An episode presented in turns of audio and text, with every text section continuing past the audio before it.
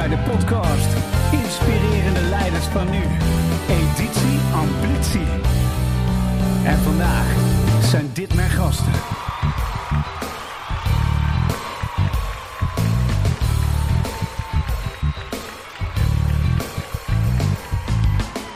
Ja, dat, zijn niet, dat is niet zomaar een beetje applaus. Heel groot applaus. Hoor je dit, Ronald? Fantastisch is Fantastisch, dit. Het geeft een goed gevoel. Goed gevoel, hè? Ja, Dat geeft een welkom gevoel.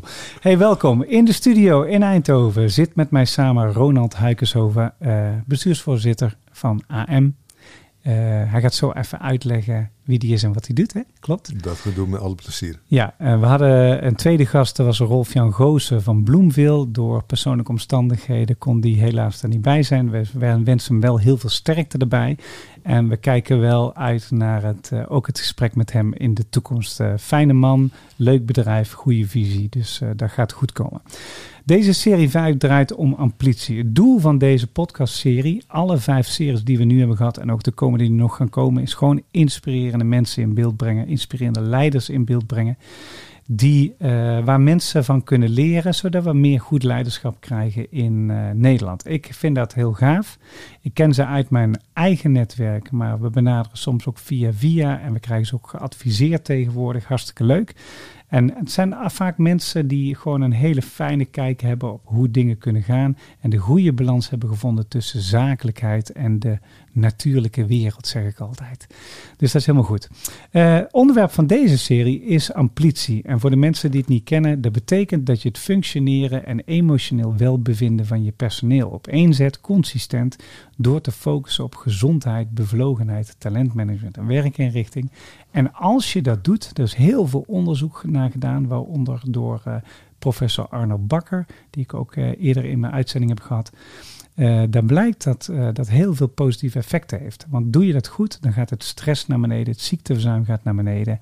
Uh, de omzet, winst gaat omhoog, de samenwerkingen worden beter, mensen zitten veel meer op de juiste plek, blijven langer bij je organisatie omdat ze hun talent kwijt kunnen.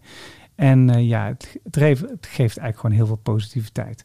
Dus de kern is, hoe bind, boei en behoud je, ontwikkel je talent op een consistente, positieve manier, waardoor dat welbevinden en functioneren toeneemt. En wat vergt dat nou voor leiderschap en welke beslissingen neem je dan? En hoe werkt intuïtie en hoe kom je dan toch tot mooie resultaten?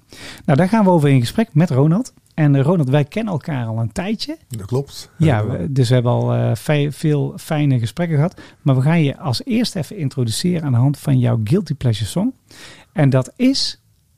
This Girl. Van? Dan ga je... Rudo. Rudo. Rudo. Crudo. Crudo. Crudo, ja. Dit is hij.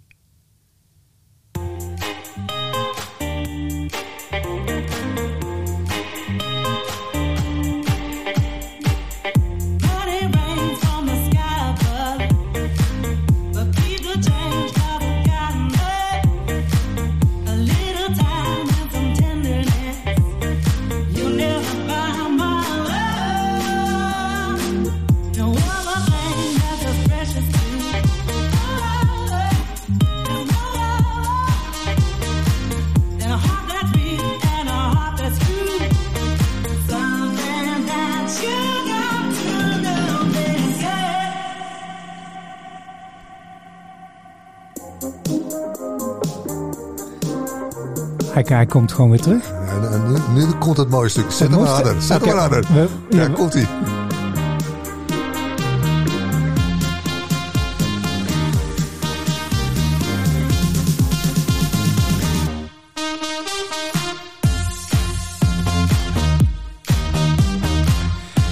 Ik heb er een lachende Ronald tegenover me zitten die weg zit te swingen. Dit is zo lekker, joh. Ja, joh. Ja. Hey, vertel, waar, waar, waar, waarom deze song? Ja, want het is gewoon, ten eerste is het een hele lekkere song, hè? Super swingend, hè? Ja, voor mij zit het vooral in de, de, de, de sfeer die het uitstraalt. Maar het is echt een nummer waar je gewoon niet op kan stil blijven zitten. En ik, ik ben dol op dansen. Ja. En als dit nummer, dan word ik zo blij, zo enthousiast. Dan, ja, dan stuiter ik over de dansvloer. Het is echt heerlijk. Ja, ik vind, ik vind, het, ik vind het heel... Ik kan me ook wel iets bij voorstellen. Maar ook heel grappig in contrast. Want uh, ja, Ronald zei net tegen mij van... Ik, uh, ik ga in, uh, in het najaar nog een lekkere yoga-retraite doen. Dat klopt. Die zit, die zit er ook in. Ja, dat is, dat is de andere kant. Ik, ben, ik vind het heer, heerlijk om te dansen, vol power bezig te zijn. En aan de andere kant heb ik de behoefte om ook weer tijd voor jezelf te hebben, op te laden, even afstand te nemen van overal waar je mee bezig bent. En ik doe dat nou, in principe één keer per week uh, op de woensdagavond. is een soort heilige avond voor mij waar ik altijd naar yoga ga. En ik probeer dat elk jaar te doen met een yoga retreat. En soms is dat in Europa, soms is dat in India of in uh, Nepal. Maar ik probeer, dan ga ik er echt even uit. Ja. En ook weer om nieuwe inspiratie op te doen, andere mensen te ontmoeten. Want dat vind ik ook nog het leuk. Want als je dat doet, ontmoet je weer allemaal nieuwe mensen. Je hoort nieuwe verhalen. Dus het is dan even tijd voor jezelf, weer inspiratie op doen. En, en het is goed voor je mind en voor je lichaam. Ja. Dus ja, voor mij is dat echt een, een belangrijk moment. En ik, ben, ik waardeer dat ontzettend. Omdat ik voel het ook als een soort luxe. Dat ik even tijd voor jezelf mag besteden. Ja, dat is absoluut waar. Ja, ik herken dat wel. Ik doe, ik doe het iets anders als jij, maar, maar wel uh, soortgelijk. Ik doe elk jaar doe ik een bootcamp met bekende Nederlanders in muziek. Dus ik ben daar, uh, mijn partner van de Slim Show, Robin, die organiseert dat en, in, nou in Gibraltar. Maar daarvoor ze in Noli, Italië. En dan gaan we met bekende mensen zoals Desiree en Ralph van Maan en Duncan Lawrence gaan we erop uit. En uh, nou, daar krijg, dan krijg je les in componeren. En dan zit er uh, bijvoorbeeld de tekstschrijver van Marco Bussato, die zat er bijvoorbeeld bij. En Van Maan, die, die leert je hoe je teksten moet schrijven en dat soort dingen. En dat doe je dan een week lang. Maar waarom is dat zo leuk? We zitten steeds op een hele natuurlijke plek in the middle of nowhere. Uh, waar je heel fijn kan sporten en kan mediteren, dat soort dingen. Uh, tweede is, we worden ontzettend lekker verzorgd met allemaal lekkere hapjes en drankjes en maaltijden. Je hoeft niks te doen, je hoeft nergens aan te denken. En je bent met mensen, ja, die kom ik normaal niet tegen, dat soort mensen. Weet je, dat zijn allemaal muzikanten, die hebben een hele andere creatieve brein als ik. Weet je wel, ik zit altijd in business en ik ja. Eh, geef trainingen, doe leadership programma's en dat soort dingen. En, uh, ja, en zij zitten gewoon puur vol in de muziek. En dan krijg je andere gesprekken, krijgt een andere vibe. Je laat helemaal op. Je krijgt inspiratie over hoe je business anders kan doen. Plus je loopt met twee, drie nieuwe songs naar buiten. En die kan je weer gebruiken voor je show. En die gebruik dan als jingle voor de podcastserie. dit doet me denken, uh, nu je dit zo vertelt. Uh, als ik voor mijn werk naar een bijeenkomst ga, en dat, dat gebeurt of in Nederland in het buitenland, vind ik het leukste om aan de tafel te gaan zitten waar ik niemand ken. En, en dat is altijd, niet altijd makkelijk, want je denkt, krijg, krijg ik nou een leuke avond of niet? Het is een beetje, je bent een beetje afhankelijk of dat klikt. En, maar ik, uh, het is wel mijn lijn. En elke keer toch pik je er weer iets op. Ik, ik, ik was uh, in Brussel uh, dit jaar en ging aan de tafel ik echt niemand kende. En dan, dan krijg je een gesprek en dan blijkt je weer iemand, een vakgenoot te ontmoeten die in Denemarken hetzelfde doet als wij en dezelfde golflengte staat. En we hadden een boeiend gesprek. En toevallig ging, gingen we met het directieteam twee weken later naar Kopenhagen. En ik had nog nooit van het bedrijf gehoord. En twee weken later waren we bij hen op kantoor en werden we ontvangen. Nou, weet je, dat, door, dat zijn door, de, door hem. Ja, dat zijn de verrassingen die je dan op zo'n avond krijgt. En uh, ja, dat, dat vind ik het mooie. Heel erg leuk. Ja. Heel erg leuk. Hey, jij werkt uh, als bestuursvoorzitter uh, bij AM, hè? Ja, kun je, dat klopt. Kun je, kun je daar iets over vertellen? Wat voor soort bedrijf is het en wat doe je? AM is een gebiedsontwikkelaar in Nederland. Dus wij houden ons bezig met het ontwikkelen voor het, van gebieden. Met woningen, werken, met voorzieningen. En dat doen we vanuit vijf maatschappelijke thema's. Die, dat is ons lijfmotief. En die maatschappelijke thema's brengen wij terug in al, alle gebiedsontwikkelingen en de projecten die wij doen. Ja, en, en welke zijn er voor mijn beeldvorming? Uh, dat is gedurfde duurzaamheid. Dus wij zeggen van ja, het is niet alleen uh, gedurfde duurzaamheid, uh, nu je normale duurzaamheid, maar wij willen een stap verder gaan. Het mooiste voorbeeld vind ik daar altijd bijvoorbeeld het project in de Bijlmer. Daar hadden wij een moonshot gedaan want die, die, die gevangenis moest afgebroken worden. En we hebben gezegd van, we willen 98% van alle materialen hergebruiken. Nou, dat, dat is nog nooit gebeurd. Nee, dat is inderdaad wel heel, heel opmerkelijk. Zelfs de, de, de gevangenisdeuren en alles. Ja, de, de, dus het team is daar volop mee aan de gang gaan met die ambitie. En, en nu vraag ik af en toe nog aan het team van, en zitten we nog op... Uh, het juiste percentage. En dan word ik teruggebeld. Ja, Ronald, we zitten nog steeds op die 98%. en wat jij vraagt is, die, die celdeuren bijvoorbeeld, die worden gebruikt als uh, balustrades voor de toekomstige bruggen. Ja. Ja, en de, het, het, wordt allemaal ook geoost, hè, zoals dat dan heet. Het wordt opgeslagen, wordt hergebruikt. En je gaat straks in die openbare ruimte, ga je terugzien. De, de tralies waar jij het over had, daar is een kunstenaar mee aan de, aan de gang gegaan gecombineerd met de basketbalvloer uit de sportzaal. En die heeft daar uh, tafels van gemaakt die straks in de openbare ruimte komen te staan. Wat leuk, hè? Ja, dus dat is super om dat te doen. Maar het is wel belangrijk om jezelf dan ook een hoger ambitieniveau uh, voor te stellen van waar je naartoe wil. Ja. dat, en dat bedoelen wij met gedurfde duurzaamheid. Ja, dus dat is de eerste. En wat is de tweede? Gedurf, healthy urban living and working. Dat, dat als wij gebieden ontwikkelen, willen we dat we een bijdrage leveren aan gezondheid. Dat ah. mensen meer bewegen, dat ze gezonder leven. Ja. Uh, en dat kan zitten in uh, de inrichting van de openbare ruimte. Maar het kan ook zijn dat je mensen vanuit de garage eerst naar het maaiveld laat gaan. En niet meteen naar de lift laat gaan, maar eerst uh, naar de trap laat lopen. In plaats van meteen de lift naar de zoveelste verdieping te pakken. Dus, ja. en, en het zorgt tevens voor dat mensen elkaar ontmoeten. Dat is ook belangrijk. En dat is ook belangrijk. En dat zorgt ook weer, zeker in een stedelijke context, waar we toch ook te maken hebben met eenzaamheid voor jongeren en ouderen, is dit weer heel belangrijk om dit te doen. Dus hoe, hoe, hoe kom je op zo'n idee? Door uh, goed te kijken van wat er leeft in de maatschappij, waar behoefte is, waar, waar het in de toekomst naartoe gaat. En ook goed uh, te luisteren naar inspiratieverhalen van andere mensen. En zeker van verhalen van over de hele wereld. De, de, als je op een bijeenkomst zit, ja, je antenne open hebben staan. En dan denken van, hé, hey, dit is, ik signaleer dit, ik signaleer dat. Hoe kunnen we dat combineren? Ja. En dat dan vertalen in, een, in een thema of in één aspect wat je in je bedrijf gaat verankeren.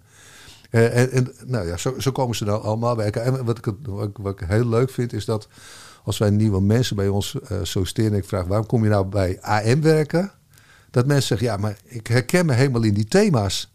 Ja, en dan denk ik van ja, dat, dat, ja, dan ben ik super trots. En denk ik van ja, dat is de juiste man of vrouw die bij ons komt werken. Want ja. dat wil je hebben, dat mensen ook echt gedreven zijn om aan die thema's te werken. Want het is niet een sausje. Nee, het moet echt intrinsiek in je zitten. Ja, dat is ook, en dat is heel vergelijkbaar met amplitie. Want amplitie is ook geen trucje of een uh, zozeer... Ja, het is een stroming uit de organisa positieve organisatiepsychologie.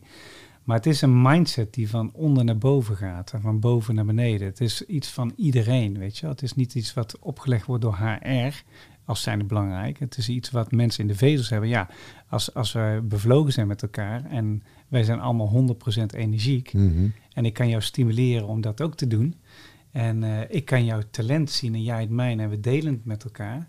En we richten daar werk op in. Weet je wel, hoe, hoe we dat boven water krijgen. We doen het consistent, dan krijgen we een hele leuke samenwerking. En dan krijgen we veel betere communicatie.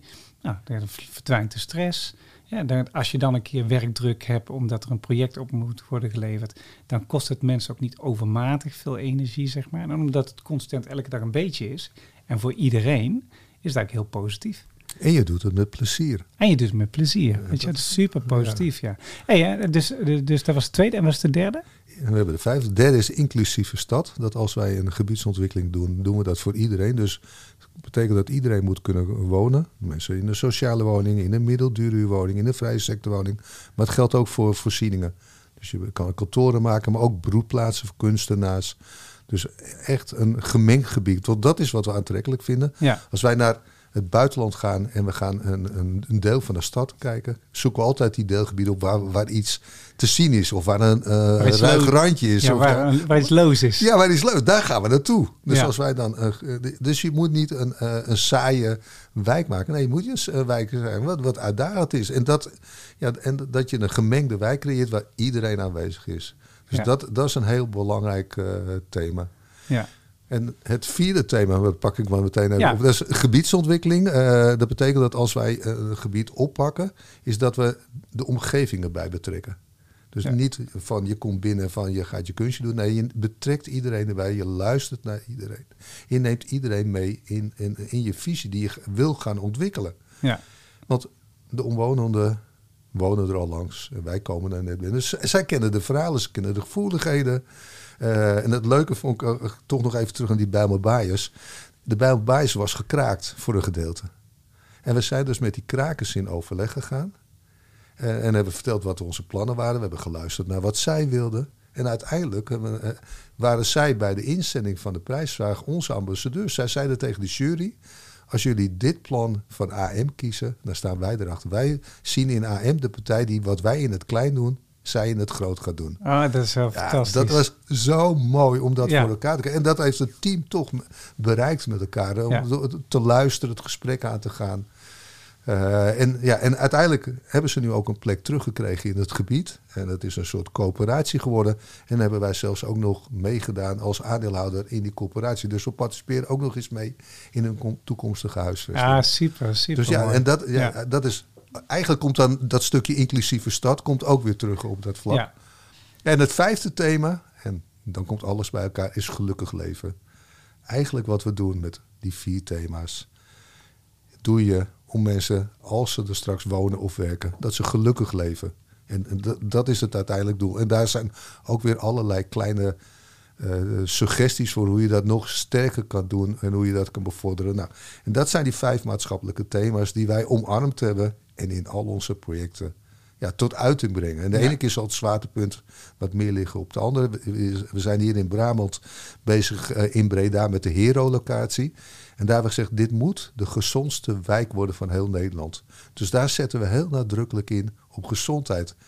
En, en, we hadden het net over verrassende eh, ontmoetingen. En daar hebben we dus weer de samenwerking met de Hartstichting. Oh. Je zou denken van, wat doet een, gebiedsontwikkelaar nou met de Hartstichting? Maar ik vertelde over hoe je mensen kan laten bewegen, over gezondheid. Maar de Hartstichting doet daar regelmatig onderzoek naar. En die kennis wordt eigenlijk gewoon niet gebruikt. Dus wij zijn nu met de Hartstichting aan het kijken hoe we al hun kennis en expertise kunnen integreren in onze visie op de Hero-locatie in Breda. Om daarmee de gezondste wijk te maken. En dat geldt voor de mensen die een woning kopen, maar dat geldt ook voor de kinderen. Hoe kan je ze beter laten spelen? Dus al die expertise. En het is zo leuk om al die onderzoeken te mogen lezen en hun kennis en expertise weer binnen te halen in onze ja, ambities. Ja, ja, het is super. Ja, en het, het is, uh, dit is wel iets wat diep in het hart zit. Hè? Van, uh, ik ken jou ook niet anders. Nee. dit, dit, is gewoon een en al bevlogenheid zit erachter. Maar dat is overigens ook uh, voor de luisteraar. Ik, ja, ik loop, loop af en toe, want daar kennen we elkaar ook van. Hè, bij AM rond voor presenteren met impact. waarbij ik jullie teams train. Ik heb jou ook getraind en dat was heel leuk. Maar uh, de vibe die jij beschrijft, die voel ik altijd wel bij jullie. Die bevlogenheid en dat die drive die erachter zit. En, uh, ja, ja, dat, dat, doet me deugd om dat te horen. Ja, dat zit er, zit er heel erg in. Dus dat is heel leuk. Hey, ik ben even benieuwd, want, want uh, ja, ik ben gewoon eens even benieuwd. Wat is jouw verhaal eigenlijk? Van hoe ben jij geworden zoals je bent geworden? Dat is deze oefening. That's alright. Take you higher. That's alright. I'm gonna take you higher. Your story.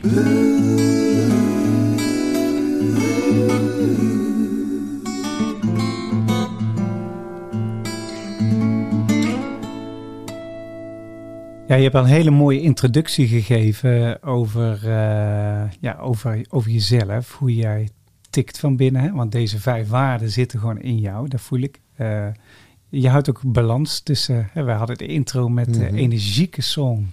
Waar je heel vrolijk en ik zie je al dansend. Ja, dat gaat gebeuren. dat gaat gebeuren.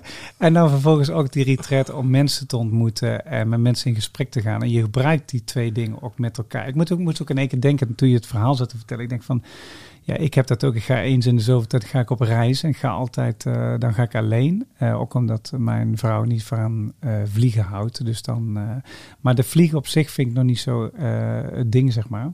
Het is meer zo dat als ik ga reizen, kom ik met mensen op airports en, en, en de steden die ik bezoek en de natuur die ik bezoek. Daar ontmoet je mensen en dan zie je hun way of living. En dan ga je met ze in gesprek. En ik doe net zoals jullie. Ik ga naar de plekken waar mensen juist niet heen gaan. Weet je wel? Dus de laatste keer was ik in, ehm, in New York. En ehm, daar heb ik uh, de hotel-eigenaar had neef, die was taxichauffeur. En ik was al een keer eerder in New York geweest. En dan hadden we alle uh, grote hotspots bezocht. Maar na twee dacht ik van, nou, ja, weet je, ja, is leuk, maar Statue of Liberty heb ik nou gezien, dat is leuk. Empire State Building ook leuk. Maar die andere drie attracties denk ik, nou, ja, ja, Ground Zero. Ja, Dan kijk ik en denk ja, oké. Maar ehm, eh, ik vind het juist leuk om naar plekken te gaan waar, uh, uh, waar je het tegenovergestelde ziet van wat je verwacht. Dus een was voorbeeld. Ik ben in de duurste fitnessschool van New York geweest. De allermeest exclusieve. daar ben ik geweest. Maar ik ben ook in een hele shabby sportschool in Harlem geweest wat die taxichauffeur kende via neef van hem. en dat soort. Waar, waar je naast mensen stond en je dacht van... oké, die heeft tatoeage, dat is wel heel... oké, dat volgens mij betekent dat hoeveel hij heeft, heeft, heeft neergelegd. En in midden stonden ze te boksen. En mensen waren allemaal uh, dingen aan het doen. En dat, dat vind ik mooi, weet je wel. Dat je op spots komt en dat je dan gewoon met mensen gewoon in gesprek gaat, weet je wel. En het maakt niet uit wie het, wie het is. Want je krijgt ervaringen over het leven. En dat geeft weer inspiratie voor mijn trainingen en voor dat soort dingen. Weet je, dat vind ik mooi. Het is jezelf open durven stellen om het gesprek aan te gaan en jezelf te laten verrijken. Dat is, ja, dat, en volgens mij straal je dat dan ook uit als je dat doet. Ja, ja, ja mensen voelen dat echt. Dus je hoeft het niet te verzinnen, want het is niet bedacht. Het is echt. En de vijf thema's die jullie hebben, daar denk ik ook altijd over. Nou, hoe kun je dingen anders doen en leuker maken? En hoe kun je het meer inclusief met mensen doen, weet je wel? Dus de intro, of de outro song van de Song for the People, uh, een van de singles die ik had uitgebracht. Dat begon met een tekst. Die ging, uh, ik belde Robin op, ik heb een tekst over de natuur en dat, dat de maatschappij vastloopt. Ken jij iemand die heel goed in Engels is? Want ik vind mijn tekst iets te straight, weet je wel. ik zei, ja, ik ken wel een, iemand uit Londen en dan kan ik wel heen sturen. Dus nu stuurde naar Ingrid Swartz, krijgt de tekst terug. Ik denk, ja, dit is hem. Hmm. En toen belde ik uh, Robin, ik heb de tekst terug gehad. Zou, zou, ik heb het nummer wel klaar, maar uh, zou uh, Ralf uh, van Manen misschien mijn partij, partij, het pianopartij kunnen inspelen? Ralf van Manen is de meest bekende, niet bekende Nederlander. Dus die, uh, die is een geweldige zanger, geweldige producent. Maakt allemaal mooie liedjes voor Stef Bos en, en uh, voor Willeke Alberti en voor buitenlandse artiesten. Heeft ook de grootste country song van Amerika op zijn record. Nou, dus een hele goede, goede gast. Dus die stuurt de pianopartij. En ik denk, ah, oh, maar nu is het nog beter geworden. Oeh, maar dan moet ik goede muzikanten gaan vinden. Dus naarmate ik verder kwam met die song, gingen er steeds meer mensen meedoen. Uiteindelijk hebben er zes zangeressen meegezongen, een band van vijf. Uh, twee producenten. Ik zat in een studio uh, te praten over wat ik aan het doen was uh, met destijds in COVID-tijd. En waarom ik die song had geschreven. Er zat een cameraman te kijken. Ze zei, heb jij eigenlijk nog een videoclip nodig? Ik zei, maar ik heb geen budget. Hij zei, nee, maar ik heb zes mensen. Die hebben nou alle tijd. Dus heb jij een videoclip nodig? Dus uiteindelijk hebben we met zo'n 30, 35 mensen die song voor de people gemaakt. En eigenlijk die hele route van de maken van die song en de, de manier hoe dat ontstaan is, heel erg in, in flow en op het goede gericht. En heel erg op duurzaamheid, want er waren heel veel mensen mhm. eenzaam.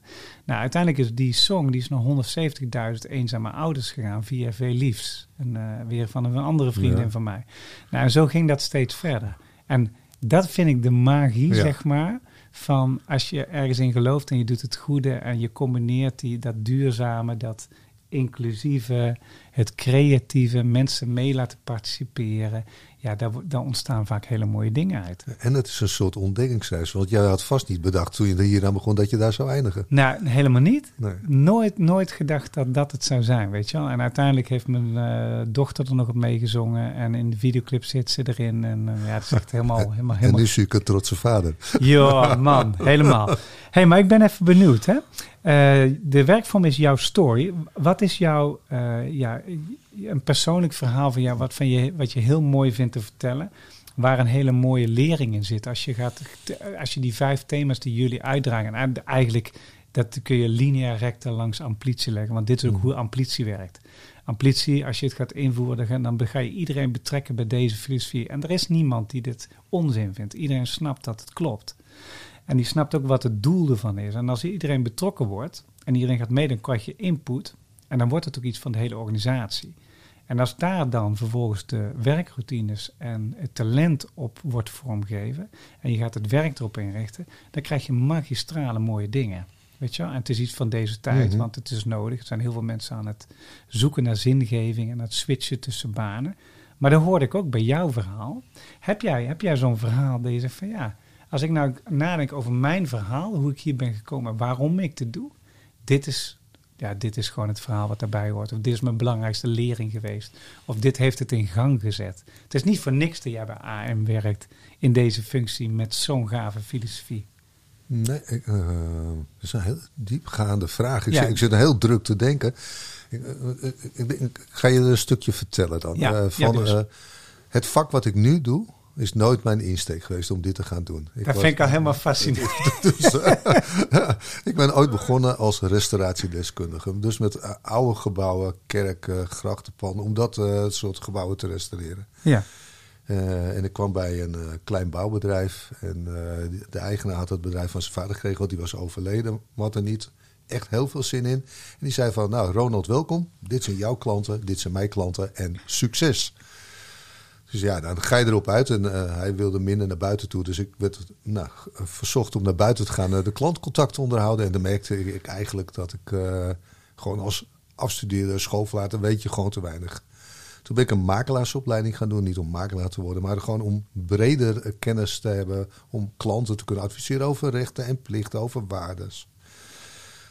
En die restauratie zat toch heel nadrukkelijk in mij. Toen ben ik naar een groot restauratiebedrijf gegaan om echt de grote restauraties te doen. En toen was ik klaar met die makelaarsopleiding, toen had ik nog geen kinderen. Toen ben ik aan de Universiteit van Amsterdam de postdoctorale opleiding vastgoedkunde gaan doen. Dus je zit continu in een groeiontwikkeling, zeg maar. Dat klopt, ja. En, tijdens die uh, studie zei mijn toenmalig directeur van... ja, Ronald, vastgoedkunde en restauraties, ga maar eens een nieuwbouwprojectje doen. Uh, en na een, paar maanden kwam de vraag of ik uh, de projectontwikkeling wilde opzetten. En toen ging ik naar een ander bedrijf binnen datzelfde concern. En daar had ik een directeur. Uh, en die was, dat was echt een mensenmens. en, en die, die nodigde je ook uit. Hij zei van, om thuis stond hij te koken. Hij zei, we gaan nu lunchen. En dan ging hij zo staan koken. En, en je zag gewoon zijn klik zat met het contact onderhouden met andere mensen. Dus de mensen uh, respect geven, luisteren wat ze wilden, verbinding maken. En ik denk dat dat. Uh, ja, ik, ik, ik, was echt uh, ja, heel blij met hem als mijn leidinggever. Nou, dat kan ik me voorstellen. En dat, dat heeft ja. mij denk ik heel veel gebracht. Los van vakinhoudelijk, maar vooral ook, ook hoe ga je nou met elkaar om? Hoe beziel je een team? Hoe neem je iedereen mee? En hoe geef je dat gevoel? En ik denk dat dat voor mij een hele belangrijke stap is geweest in mijn persoonlijke ontwikkeling. Maar ook om door te gaan in het vak en daar een bepaalde richting aan te geven. Hoe dat te gaan doen. Dus, ja. dus en dat, dat, maar is echt een bewuste beslissing dan geweest van, oh, dit is wel heel gaaf, dat ga ik ook doen. Ja, dat is absoluut een bewuste beslissing. En, en het eind van die studie merkte ik wel van, uh, dat, uh, dat ik weer de volgende stap moest zetten. Ik denk van, ja, ik heb nu deze stap gehad. Als ik nu door wil, moet ik een vervolgstap zetten. Toen ben ik naar uh, een ander bedrijf gaan. En daar ben ik weer begonnen om mezelf weer, weer te verbreden. En, en, en ik, dus het, was, het ging echt over de inhoud. En dan langzamerhand ga je dan steeds in een stapje verder komen. Maar die verbreding, die zit nog steeds nadrukkelijk in. Maar ik wil me elke keer verbreden. En of dat nou is door een boek te lezen, of mensen te ontmoeten, of uh, bijeenkomsten, uh, congressen te bezoeken. Maar dat is wel voor mij de belangrijke drijfveer. Elke keer verdiepingsslag en kijken van hoe kan je het nog rijker maken? Eigenlijk bouw je laagjes over laagjes heen. En ja, dat vind ik heel mooi. En, en soms weet je niet wat het, waar je terecht komt. Je gaat ergens naartoe. En ja, het lukt toch altijd weer om iets nieuws mee te nemen waarvan je denkt. Hey. En soms een half jaar later denk je: hé, hey, ik was daar. Ik heb daar dat gezien. Nu valt het kwartje. Nu moet ik dit gaan gebruiken. Ja, ja gaaf. Ja, ja en wat, wat natuurlijk. Uh, ik, ik, ik, schiet er allemaal gedachten door me heen. ik moet in één keer ook denken aan Rutger van Nauwhuis, uh, uh, de CEO van Citibank. Uh, hele fijne mens, hele goede leider ook. die heeft het ook daar continu over. Die zegt van, die is ook gericht op rust creëren bij zichzelf, mediteren. Die is ook van het connectie maken met anderen. Wel een duidelijke goede visie neerleggen. ook uh, gevoelsmatig goede balans houden tussen zakelijkheid en natuurlijkheid. Ik, de natuurlijkheid noem zeg maar het welzijn van de mens, mm -hmm. zijn talent. Ja. Zorg dat het goed met de mens gaat. En de zakelijkheid is, ja, je moet toch ook tot uh, resultaten komen en progressie maken.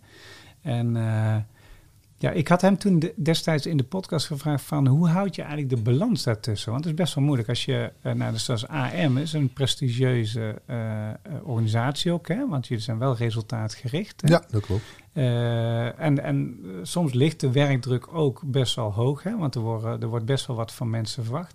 En aan de andere kant hebben ze ook die filosofie van het, uh, het neerzetten van hele mooie dingen met elkaar en die bevlogenheid. En bij iedereen die ik ontmoet bij jullie voel ik dat. Je voelt overigens ook het spanningsveld ertussen. Hè? Van, uh, van het rennen versus, ja, moet eigenlijk ook een beetje stilstaan om dat soort dingen wel uh, te blijven doen met elkaar, zeg maar. En hoe, hoe houd je de balans daarvan en hoe, hoe help je mensen daarbij? Hmm.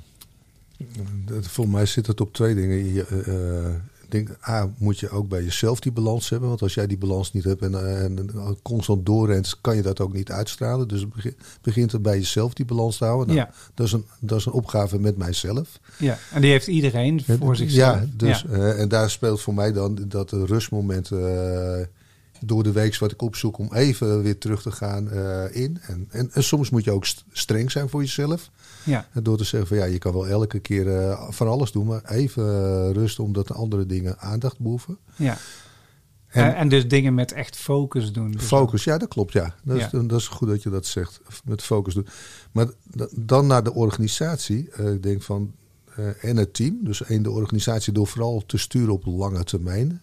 En niet alleen maar hit en run te doen, maar juist die lange termijn visie te, uit te stralen en na te leven met elkaar. Daarmee breng je een soort balans in. Want het hoeft niet allemaal nu per se meteen uh, plaatsvinden, maar het kan ook op de lange termijn plaatsvinden.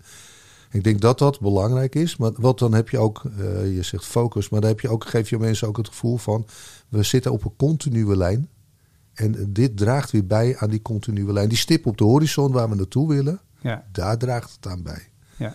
En, en bij, um, je, bij de mensen in onze organisatie denk ik dat het uh, belangrijk is om ze ruimte te bieden uh, voor ontspanning. Ja. Uh, en dat, we organiseren dus nu ook bijvoorbeeld yoga op kantoor. Ja. Dus ja, weet je. Geweldig. Ja, dat is toch prachtig ja. om dat te doen. Maar ook dat soort voorzieningen die niet werkgerelateerd zijn, om dat aan te bieden. Om mensen die tijd ook beschikbaar te stellen. Uh, en ook goed te kijken van hoe de persoonlijke situatie is. Ik zeg altijd, de privé-situatie gaat boven het zakelijke situatie. Dus in te spelen op dingen die bij mensen thuis plaatsvinden, of in het gezin, of in, nou, met, met ouders bewijzen van. Ja. Om daar dan aandacht voor te hebben. En een leuke voorbeeld is, we hebben er nu een samenwerking gesloten met Team Up. Dat is een organisatie waar mensen gebruik kunnen maken voor of uh, psychologische begeleiding of op, op, andere, als mensen problemen hebben, kunnen ze daar gewoon naartoe bellen zonder dat wij het weten. Daar hebben we een abonnement op. Iedereen kan er gebruik van maken. Dus dat is een faciliteit die we hebben aangeboden. En dat doen we nu ook voor Friends and Family. Dus als jouw kinderen iets hebben in een studie, kunnen ze ook bellen. Nou, dat helpt om mensen een comfort te geven of een, in, in een balans te zetten. Ja. En wat we nu, er kwam van onze HR-collega, die zei van ja, we doen dit nu, dit, maar we zien ook dat mantelzorg steeds belangrijker wordt. Maar als jij geconfronteerd wordt met mantelzorg, weet jij dan hoe je al, dat, al die zaken moet regelen, waar je aan moet aanbellen? Ja, ik weet het niet. Nee, ik ook niet. En, nee. en, en het is echt 1,3 miljoen mensen doen mantelzorg, las ik pas alleen. Zo. Nou, dus ja. om, om onze collega's die daarmee uh, in aanraking komen te helpen. We nou, we sluiten ook met een bureau een abonnement af. Dat als jij in de situatie komt voor mantelzorg, dat zij jou begeleiden of coachen hoe je dat moet oppakken, waar je dat moet aanmelden, welke formulieren je moet invullen, welke subsidies je eventueel moet doen. Dus het is, ja, het is meer ondersteunend uh, om mensen te helpen op die juiste manier. Want dat overvalt je. En, en, en, ja, en je hebt tegelijkertijd je baan, je projecten lopen door. En je moet het regelen voor je moeder of je vader. En, ja. en hoe fijn is het dan niet als je even iemand kan bellen om te zeggen van hoe werkt dit? Ja, ja dat is enorm belangrijk. En, en dat je ook uh, merkt dat dat kan. Ja. En dat de ruimte daarvoor is. Nou, hè? dat is het. Door dat gevoel te hebben dat het kan en dat er ruimte is, denk ik van. Dan geef je de mensen het comfort dat ze dat kunnen. En dat geldt ook voor mijzelf als straks iets weer met mijn vader gebeurt.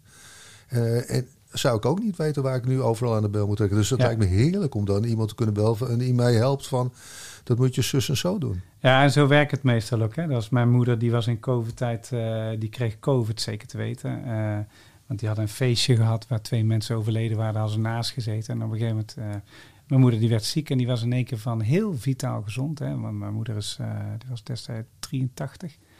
En, eh, maar die fitnesste drie keer in de week. Die Hmm. reed zes keer op de, de, per, per week op de fiets, 20 kilometer zonder motortje. Dus super vitale vrouw, ook heel pinter. Maar die, die was in één keer in vier weken was, was niks meer van over. Dat ze bijna niet meer kon lopen achter een rollatortje en dit en dat. Maar ze was ook nog eens heel koppig, weet je wel. Dus niet alles vertellen tegen de arts en ook nog een beetje de eigen zin doen. En, maar dan ga je kijken van waar moeten wij heen. En het eerste waar je dan heen gaat is naar een huisarts. Mhm. Maar voor de rest weet je helemaal niks. Eigenlijk kom je achter, hè? Nee, en dan is het fijn om die onder. Want uiteindelijk, het is toch je vader of je moeder. Ja. Weet je, het gaat je wel aan het hart. Daarom, die, raak je emotioneel. Dus, ja. dus dan is het belangrijk om dan ontzorgd te worden door iemand die je kan helpen. Nou, dat is wat wij proberen aan te bieden uh, binnen nou, al, al, mijn collega's binnen het bedrijf. Ik vind die story ook heel erg leuk. Dus de, en de elementen bij jou zijn dus altijd geweest groeien, ontwikkeling en blijven groeien. Ja. Als je iets niet weet, verbreed jezelf. Dus, dus schijnbaar ben je ook heel erg uh, geïnteresseerd in dingen.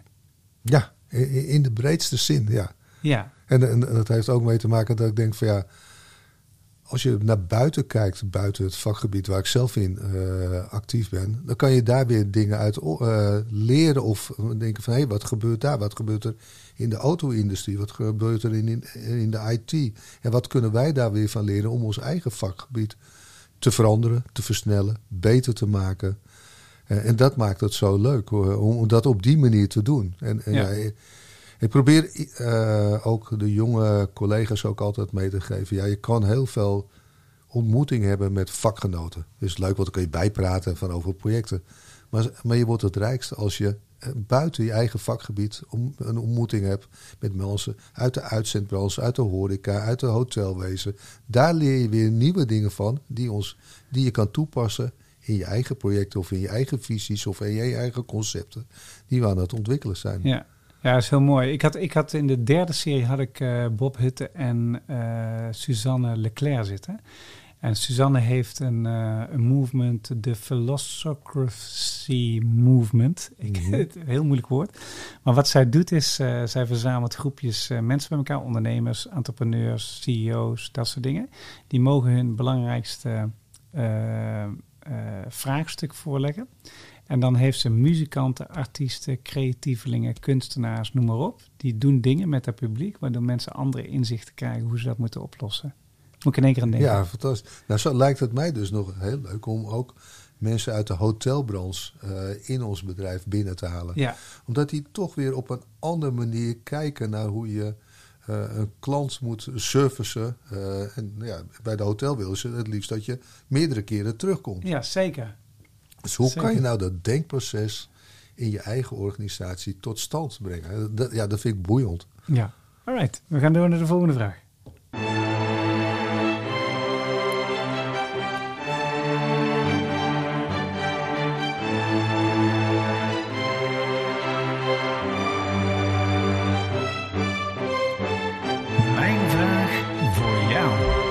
Mijn vraag voor jou. Ha. ik ben benieuwd. Wat zou die zijn? ja, je hebt al heel veel lol. Ja, nee hoor. Ik, maar jij kent me toch niet anders? Ja, dat klopt. Ja. ja. Hey, mijn vraag voor jou is, ja, is eigenlijk, uh, als ik een beetje doorkijk naar uh, uh, wat je vertelt en zoals ik je ken. Ik ben, ik ben heel benieuwd. Hè? Um, stel je voor, jij zou een, een training geven, of een korte workshop of een presentatie aan uh, CEO's of leiders hoe ze uh, de doelstellingen die ze hebben makkelijker kunnen bereiken met de mensen om hen heen. Wat zijn dan thema's die je met ze zou bespreken? Um, ik denk, eh, één is denk voor, voor denk diversiteit in hun organisatie. Ja. Uh, door, door de variatie te hebben uh, van mensen in je organisatie. Om dan die doelstellingen vanuit verschillende invalshoeken met elkaar te kunnen bekijken. Ja, dus ik vind dat een hele belangrijke. Ja. Uh, en dat, nou, die, die, diversiteit is in de breedste zin van het woord op die manier. Ja. Het uh, inspiratie ophalen uit je eigen organisatie. En hoe doe je dat? Want ja, wat jullie doen het, dat weet ik. Ja, ja hoe, hoe doen jullie dat? Je, kan het op, je, je, kan het op verschillende manieren doen. het eerste wat, we binnen de, wat wij doen is de jongeren binnen je eigen organisatie groeperen, actief maken, uitnodigen om met ideeën te komen. Ja. En het is enerzijds goed voor hen om een soort binding met elkaar te hebben, ervaring uit te wisselen. maar ook om ze te prikkelen van hé, hey, eigenlijk het bedrijf wat we nu hebben, is jullie toekomst. Ja. Dus geef nou mee wat wij moeten doen om jullie toekomst te waarborgen. Nou, ja. dat is een hele prikkelende vraag. Ja, ja. En dus, En, en, en, dus je moet ze daarin uitdagen. Dus dat zou ik mee willen geven. Want ik denk van, zij kijken toch weer anders naar zaken dan wij. Ja. En, en, ik heb zelf uh, drie volwassen zoons. Ja, de feedback die ik daarvan krijg, zet mij vaak aan het denken. En dan denk ik, hé, hey, daar zit wat in. Dat gebruik ik. En wat, wat was de, de laatste vraag die je van een van je zoon had gekregen? Uh, waar, waar, je, waar, je, waar je over na ging denken? Oh nee, maar dat is leuk. Want ik bedoel, een van mijn zoons die, uh, die vroeg aan mij van... Pap, ken je de, het boek over de CEO's? Ik zei nou, uh, geen idee. Ik ook niet. Nee, maar er is dus... McKinsey heeft dus 32, volgens mij 32, maar het gaat niet om het aantal... maar tientallen CEO's geïnterviewd... En uh, met een vragenreeks. En op basis daarvan een aantal specifieke kenmerken uh, neergezet. Uh, en adviezen gemaakt hoe een CEO moet functioneren, waar die op moet rekenen. Dus en, nou, en ik, ik had van het boek nog niet gehoord. Hij zei: Pap, dat moet je nou gelezen, dan heb je echt wat aan. Dus ik ben in de vakantie begonnen, omdat in dit geval heb ik in het, het luistervariant opgepakt. Heerlijk. heerlijk. En, en het leuke is, dan zit ik te luisteren, heb ik een bloknoot bij me en ik schrijf er weer allemaal heel veel dingen op die, me, die ik dan weer kan gebruiken voor ons eigen nieuwe ondernemingsplan. Ja. Dus weet je, je krijgt dus, als hij dat niet had gezegd, had ik die inspiratie niet gehad. Dus, en daar word, daar word ik dan weer heel blij van. Dus, ja. nou, dus, dus op die manier eh, kreeg ik deze tip terug en uh, dat vind ik leuk. En, ja, ja dus, dus het uit je eigen organisatie halen van nieuwe inspiratie, nieuwe ideeën en de diversiteit. Zorgen dat je uh, groepen verzamelt die, uh, die uh, samen tot nieuwe ja, visie of het activeren van de visie komen. Dat is er één. Ja, en het tweede is bijvoorbeeld, de, we hadden het net over onze vijf maatschappelijke thema's. Ja. Ook die te laten laden door werkgroepen die rondom zo'n thema heen activeren. Want wij kunnen wel zeggen, ja, dit hoort bij dit thema. Maar uh, zij zijn er volop dagelijks mee bezig. Dus we hebben gezegd van nee, we creëren de werkgroepjes rondom die thema's heen. En die gaan die thema's laden, die gaan het verder invullen. Verdiepingsslag geven. Maar dat worden ook meteen de ambassadeurs naar alle onze andere collega's. Ja. Over wat zo'n thema inhoudt en hoe ze daarmee aan de gang kunnen. En, en uh, wordt, wordt, die kennis dan ook doorgegeven? Ja, heel ja. goede vraag. Want dat is, denk ik, in alle organisaties. Kennis delen is super belangrijk. En, en daar, uh, daar zijn we mee bezig. Om dat nog beter te gaan. Dat het wordt gedeeld. Ja. Maar mijn filosofie, het kan nog beter. Ja. Dus daar zijn we nu weer mee bezig. Hoe kan je dat nou over de teams heen tot stand laten brengen? En bijvoorbeeld uh, iemand met specifieke kennis van een, een onderwerp, bijvoorbeeld hoogbouw. Hoe kun je die nou niet alleen een project laten doen in een bepaalde regio, maar die kennis door het hele land heen, zodat niemand het wiel op gaat eh, uitvinden op een andere plek. Ja. Ik ben zelf techneut van oorsprong. En ja. techneuten vinden het heerlijk om het wiel uit te vinden. Ja. Maar dat is juist zonde. Want ik, als jij het weet, Wout, bel ik jou op. Ik zeg, geef me alsjeblieft jouw kennis en kunde. ja. dat scheelt mij weer een hoop researchwerk. Maar nou, om dat soort dingen voor elkaar te krijgen. Ja denk ik van ja, dat is belangrijk. Dus, dus ehm, ook gewoon die verantwoordelijkheid laag in de organisatie zeggen om op inhoud het verder uit te werken. Ja, en, en, en, met elkaar weten ze meer. En je maakt mensen ook veel enthousiaster. Want dan komt die echte betrokkenheid, die passie die, die bij zo'n thema hoort, komt naar boven. Ja. Dus dat, dat vind ik belangrijk. Nou, kijk, als die, uh, als die uh, training er komt, of de workshop de uur, dan schrijf ik me in. Oké. Okay. het lijkt me een feestje om ja. jou te Ja, maar dit, maar dit, zijn echt uh, vier gave onderwerpen. Dat is wel leuk om, om uit te diepen. Ja, super, super. hey, ik heb een, een nieuwe werkvorm en die, we gaan nog een klein stukje verdiepen. En dat doen we met deze werkvorm. Even kijken, ik ga eens even kijken naar... Even kijken. Ja, deze dit is ook nog wel leuk. Gewoon om te doen. We doen deze. Spin the Box. Het leuke spel waarbij we inkijk krijgen op de leiders van deze tijd.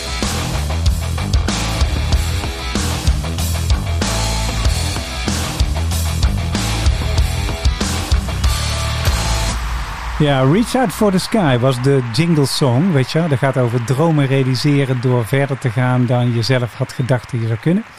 Uh, Spin the Box is een uh, vorm waarin we... Ik heb gewoon een box met kaartjes. daar hebben we een aantal cijfers aan gekoppeld. 28 vragen. En die gaan over talentontwikkeling, leiderschap, werkinrichting, vitaliteit, intuïtie, lerend vermogen. dat is een beetje alles wat met amplitie te maken heeft eigenlijk. Uh, ze geven nog een extra verdieping op jou als leider. En jij hoeft alleen maar een, uh, een cijfer te noemen. We doen het drie keer.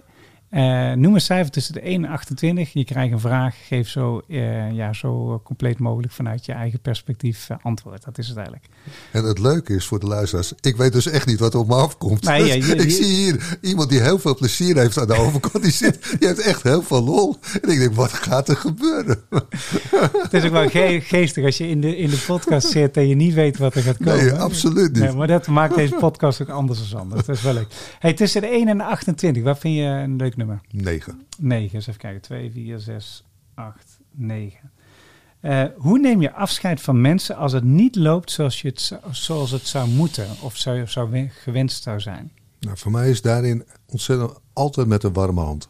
Ja, en dat vind ik echt cruciaal. Ik vind wel dat je duidelijk moet zijn naar mensen als het niet gaat. Ja. En dat je dat ook eerlijk zegt. Uh, en dat, nou ja, dat is niet prettig. Um, maar je doet het om ook de ander verder te helpen. Ja, dat is absoluut waar. Uh, dus dat is de belang, dat, dat moet je intentie zijn. Het is, en je moet er de tijd voor nemen. En het is niet leuk, uh, maar je moet het wel doen. De organisatie vraagt het, maar ik vind het ook naar de man of vrouw aan de andere kant uh, belangrijk om die duidelijkheid te geven. En als dat dan gebeurt, moet degene altijd weggaan met een warme hand. Het, het moet altijd de ambassadeur blijven van je bedrijf. Ja. Ondanks dat het even niet goed voelt, maar dat vind ik echt cruciaal. Ja, absoluut waar. Het is ook heel grappig, hè? want dit zit niet alleen aan het einde, dit zit ook aan het begin. Dus uh, ik had uh, onderzoek gelezen over uh, hoe het nu gaat met talentswitching, weet je en hoe bedrijven ermee omgaan. En de directeur van Indeed, die had, die had een onderzoek laten doen, die had opgeroepen dat, dat bedrijven minder moeten cv's moeten scannen en minder standaard een, een ja, een uh, baan moeten promoten van dit, zijn de, dit is wat je moet kunnen, dit is wat je krijgt, dit is wat het oplevert, et cetera. Maar veel meer op personality van mensen gewoon uitnodigen voor een goed gesprek en ook veel persoonlijker die route doorlopen van, van, van recruitment richting onboarding mhm, tot mhm een goede werkneming tot eventueel outsourcen als ze of niet meer kunnen of dat ze gewoon uitgegroeid zijn. En die je ze moet begeleiden richting een ander traject, omdat het gewoon voor hun zelfrealisatie beter is. Mag ik nog één ding ja, aan toevoegen? Wat, wat, ik echt belangrijk vind, is, is dat wat, wat je vroeg, hoe neem je afscheid van iemand? Maar ik vind voordat je afscheid neemt van iemand, je altijd iemand de gelegenheid moet geven om zich te herstellen. Ja, dat is ook belangrijk. Want we, we, hebben allemaal wel eens een moment in het leven dat we het even niet meer zien zitten. Of dat ja. het door de privéomstandigheden tegen zit. En dat je dan iemand in de gelegenheid stelt om zichzelf weer even bij elkaar te rapen. Met behulp van die je aanbiedt. En dan, en dan weer de stap te maken voordat je afscheid neemt. En ik vind het leuk dat. Kan ik echt uit uh, verschillende ervaringen zeggen dat als je dat doet, dat mensen dan weer teruggaan naar het oude niveau of hoger. Zelfs. Ja, ja en dat vind, ik, dat vind ik nog veel leuker om te zien. Omdat je daarmee, je, je geeft vertrouwen. Uh, maar je, je, zegt wel even waar het naartoe moet. En dat het dan lukt. Weet je? En eh, dat vind ik ook van, dat, uh, als bedrijf geeft dat ook aan waarvoor je staat. Ja. Weet je wel, iemand, dat gaat, overkomt iedereen wel eens dat hij even in de dip zit. Ja. Nou, en het helpen en faciliteren helpt heel erg. Hè? Maar ook bij het, uh, het werkt ook zo van, want wat er uit dat onderzoek in ieder geval kwam, maar het draait om persoonlijke aandacht. Hè? En tijd nemen, persoonlijke aandacht en ook de gelegenheid geven om fouten te maken en zich te herstellen. En als het dan echt niet werkt, dan ja, wees duidelijk en maar wees nog steeds uh, ja, nice. Hè? Je kan, Ook als je afscheid neemt, kun je nog steeds vriendelijk zijn, et cetera. En mensen een perspectief bieden. Maar uit dat onderzoek kwam van mensen die bijvoorbeeld solliciteerden en die een standaardreactie terugkregen. En dan moet je je voorstellen, mensen zitten een uur, anderhalf uur op hun brief te schrijven. En dan zitten ze hun cv op maat aan te passen. Nou, dat kost ook mhm. nog een half uur. Dus misschien hebben ze wel twee, tweeënhalf uur. Sommige mensen wel een dag zijn ze ermee bezig. En dan krijgen ze een standaard reactie van een bedrijf van... Uh, door het overweldigend grote aantal uh, dingen uh, ja, u heeft prachtige kwaliteiten, maar we moeten u helaas mededelen dat u dat niet bent geworden. We wensen u veel succes met het vinden van een nieuwe baan. En iedereen kan zien dat dat natuurlijk standaard is, maar wat is het effect ervan? Dat 73% van de mensen die, uh, die gaat nooit meer iets bij je afnemen en 63% gaat het doorvertellen op een feestje hoe verschrikkelijk slecht het bedrijf is. Nou, dat geldt natuurlijk in elke fase. Mm -hmm. Dus, dus amplitie is voor alle medewerkers, maar het is ook bedoeld van als het niet functioneert en je doet het heel goed, dat mensen eigenlijk nog steeds ambassadeur zijn van je bedrijf. En als ze zeggen van ja, mijn kwaliteiten passen niet helemaal en ze hebben me wel geholpen, maar ze hebben me ook eh, geholpen met uh, de juiste richting vinden naar een nieuwe job. Nou, en dan zeggen ze fantastisch bedrijf, fantastische leidinggevende, weet je wel. Dat is eigenlijk het effect, zeg maar. Ja. Ja, dus ik deel dat met jou. hey, volgende nummer. 1 tussen 8, 1 en 28. 20. 20, even kijken. Um, hoe geef jij prioriteit aan jouw ideeën? Ja, dat is een hele goede vraag. Uh, want mijn hoofd loopt af en toe over van. Ja, je hebt gewoon heel veel ideeën. um, wat ik doe is in ieder geval, ik schrijf ze op. Uh, dus ik, uh, en dat uh, gebeurt overdag, schrijf ik ze op. Maar ook als ik in mijn bed lig uh, en, en er plopt weer iets op, schrijf ik het op. En het, voor mij is het dan, het, in ieder geval, dan heb ik ze geborgd. Uh, en dan geeft het ook rust in mijn hoofd dat ik niet elke keer met hetzelfde idee zit. Ja. En, en, en, daarna ga ik gewoon uh, dat wat ik heb opgeschreven, dat, dat bos ik af en toe bij elkaar en probeer ik te koppelen. Weer in, in, in, in ja, een soort buckets per onderwerp, om dat te gebruiken bij het thema of bij de, de, eh, het ondernemingsplan of bij een presentatie die ik moet geven om dat te doen. Dus het, voor mij is het, het begint eerst met een, een grote hoeveelheid. Ja. Uh, en dan ga ik het uh, wat rechteren. En, en het leuke vind ik dan dat dingen al, uh, bijna altijd bij elkaar komen. En dat je en, dan je storyline voor dat betreffende onderwerp baseert op al die ideeën die in je hoofd zaten. Dat je die kan gebruiken om je, je verhaal of je stip op de horizon verder te onderbouwen. Ja, dus dat is hoe, hoe, het bij mij werkt. Maar ik heb echt nodig om het even op te schrijven. En dat kan op, op mijn iPad zijn, dat kan in mijn boekjes zijn.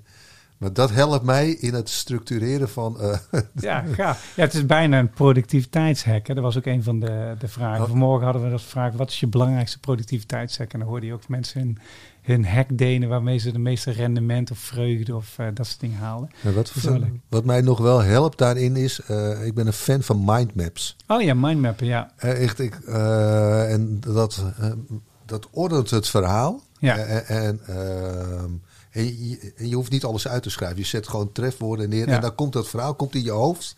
Het komt vanzelf weer bij elkaar. Ja, en, je, en je houdt het overzicht op. Je houdt het overzicht. En het bijzondere, ik, ik heb dat oud geleerd. Ik denk, nou, echt tientallen jaren geleden. En nou, ik dacht, ik ben van een van de weinigen. Maar toen mijn jongste zoon op de lagere school kwam, kwam hij met een mindmap terug. Echt, dat vroeg ik aan, aan, de, de, juf van... Uh, werken jullie ook met mindmap? Zegt ze, ja, dat is ideaal voor jonge kinderen om een verhaal te kunnen neerzetten met de, aan de hand van beelden. Dus ja, het, het, het is nog steeds actueel. Ja, heel erg. Ja. ja. Ik moet ik ook denken, want Sanne die kwam, uh, ik heb altijd snel lezen, geheugentraining, mindmappen tussendoor geven. Ik kan heel, heel snel lezen en boeken doornemen, dat soort dingen. Maar daar zit mindmappen zit erbij in, omdat het het meest complete uh, systeem is voor je brein. Dus geheugentraining, snel lezen, mindmappen hoort bij elkaar. Dat is gewoon het beste systeem. Uh, tenzij je er een hekel aan hebt aan kleurtjes en tekenen en dat soort dingen, dan uh, heb je een ander systeem. Ja, dan heb je een ander systeem. Maar goed. Uh, maar wat heel grappig is dat toen zij, toen zij, ik denk dat zij zes of zeven was, en toen zat ze bij het zwembad en toen zat ze in één keer te tekenen. Ze ben je aan het tekenen? Ik zei, mijn mindmap aan het maken. Dus ik dacht van, nou, dat zal mij benieuwen, weet je. Want ik had natuurlijk heel veel volwassenen die ik trainde. Ja. Uh, leiders en CEO's en uh, managers die snel lezen kan leren. Die leerde ik mindmappen. En die hadden er echt moeite mee. Dus ik zat, ik zat naar haar te kijken, hoe doet ze dat? En dan ging ze uitleggen hoe ze dat deed. Ik heb dat filmpje nog bewaard, ga ik je laten zien. Oh, leuk. En zij deed in optima forma. Echt gewoon, de, die mindmap die ze had gemaakt was perfect. Gewoon, gewoon helemaal van begin tot eind. Dus ik zat zo, oké, Nou, ik heb nog nooit een volwassene gezien die dat zo deed. Weet je wel? Dus, maar goed, later bleek dat ze, ze had dyslexie, dus ze heeft een ontzettend creatief brein. Dus haar, voor haar is dat helemaal top. Weet je? Ideaal, ja. Ja, dus dat is heel grappig. Oké, nog eentje, laatste. Nou, doe, doe maar nummer één. Ik ben benieuwd welke, welke, dat was geweest bij jullie. Wat is je belangrijkste les die je hebt geleerd van een mentor?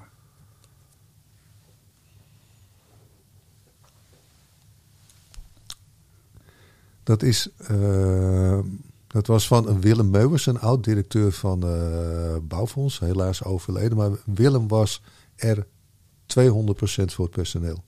Gaaf. En, als, en wat ik net zei over van iedereen heeft wel eens een uh, moment dat het minder zit. Daar was hij heel sterk van. Mensen laten helpen, ondersteunen. Om daarmee het beste in de mensen naar boven te krijgen in je organisatie. Hij was echt een mensenmens. En nou, die andere meneer, die kan het beginnen, was ook een mensenmens. Misschien spreekt mij dat heel erg aan. Uh, vandaar dat hij naar boven komt, bedenk ik me nu.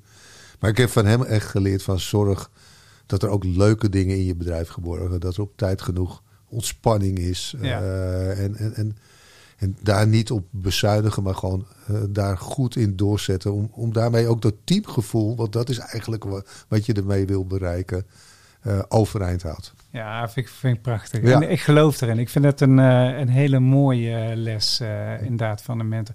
Want ja, het past helemaal bij Amplitie ook. Hè? Dus, ja, kijk. 100%.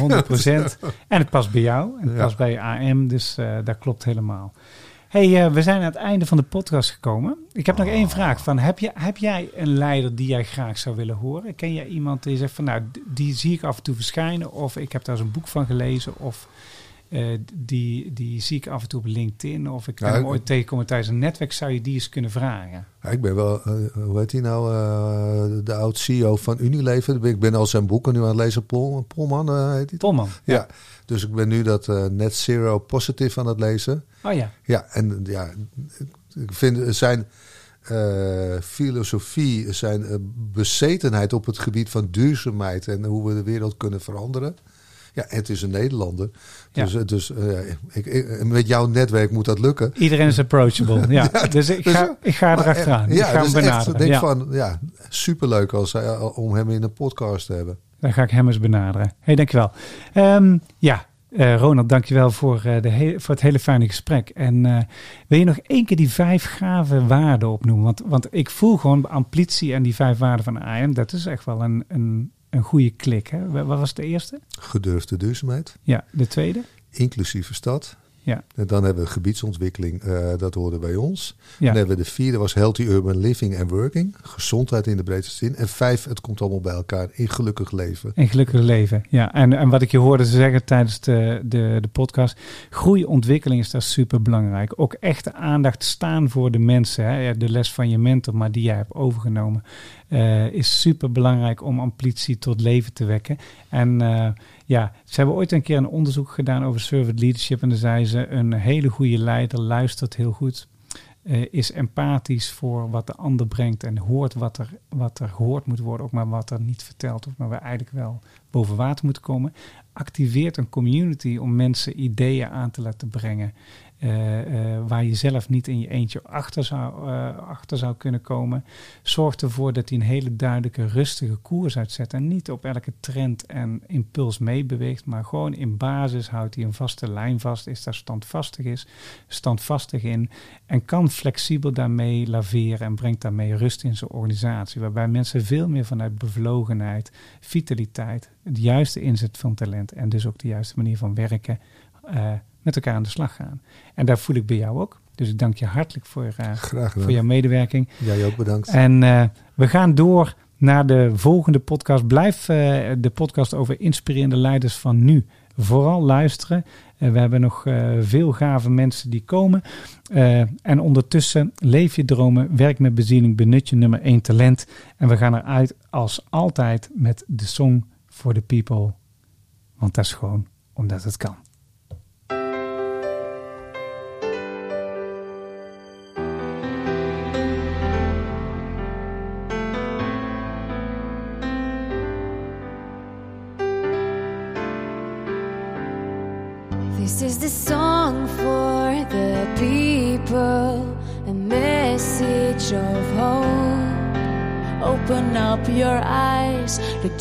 The sky.